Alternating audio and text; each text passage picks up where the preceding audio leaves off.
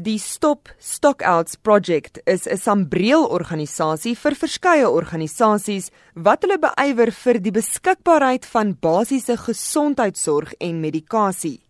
Die projekbestuurder van Stop Stockouts, Glenda Muzenda, sê daar is groot kommer oor die situasie in Noordwes. We are aware that patients have been turned away because of this industrial action that's happening in the Northwest, and this has impacted on the essential supplies of medicines, but in particular to the second line of ARV drugs.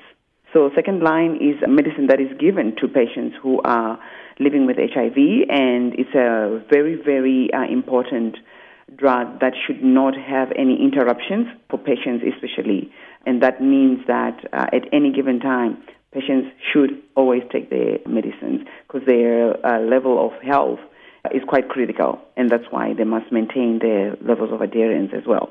Sy sê HIV pasiënte reg oor die provinsie, nie net in landelike gebiede nie, word hierdeur geraak.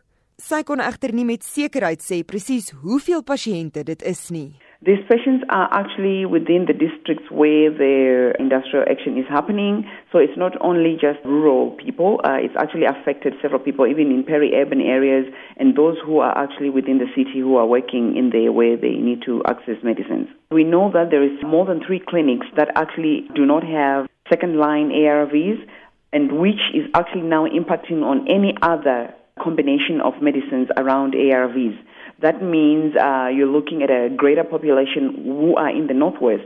So, for example, for us, we are unable to determine how many patients have been affected for obvious reasons that there might be patients who are aware of our telephone number. So, the, what we have in, the, in our database so far could be 50 patients that we have so far. But we also have uh, health uh, care workers or other people who work within the vicinity of those clinics who are informing us that it's actually a disaster that's about to happen. Muzenda sê Stop Stockouts is in verbinding met die Noordwes Departement van Gesondheid, maar tot op hede is die kwessie volgens haar nog nie behoorlik getakel nie. We have been discussing on this issue with the Department of Health. They have been willing to inform us that you know they're trying as best to make sure that the drugs are available, but we are also concerned because the end user who are the patients if they are calling us and telling us that they have been sent away with no medication and that the stocks are actually running low, they're not even being given the full uh, dosage or quantities rather. They're not being given the full do- uh, quantities of their medicines. So that is actually a great concern for us that our patients are actually being turned away and they're leaving the clinic without their medicine. That is a grave concern for us.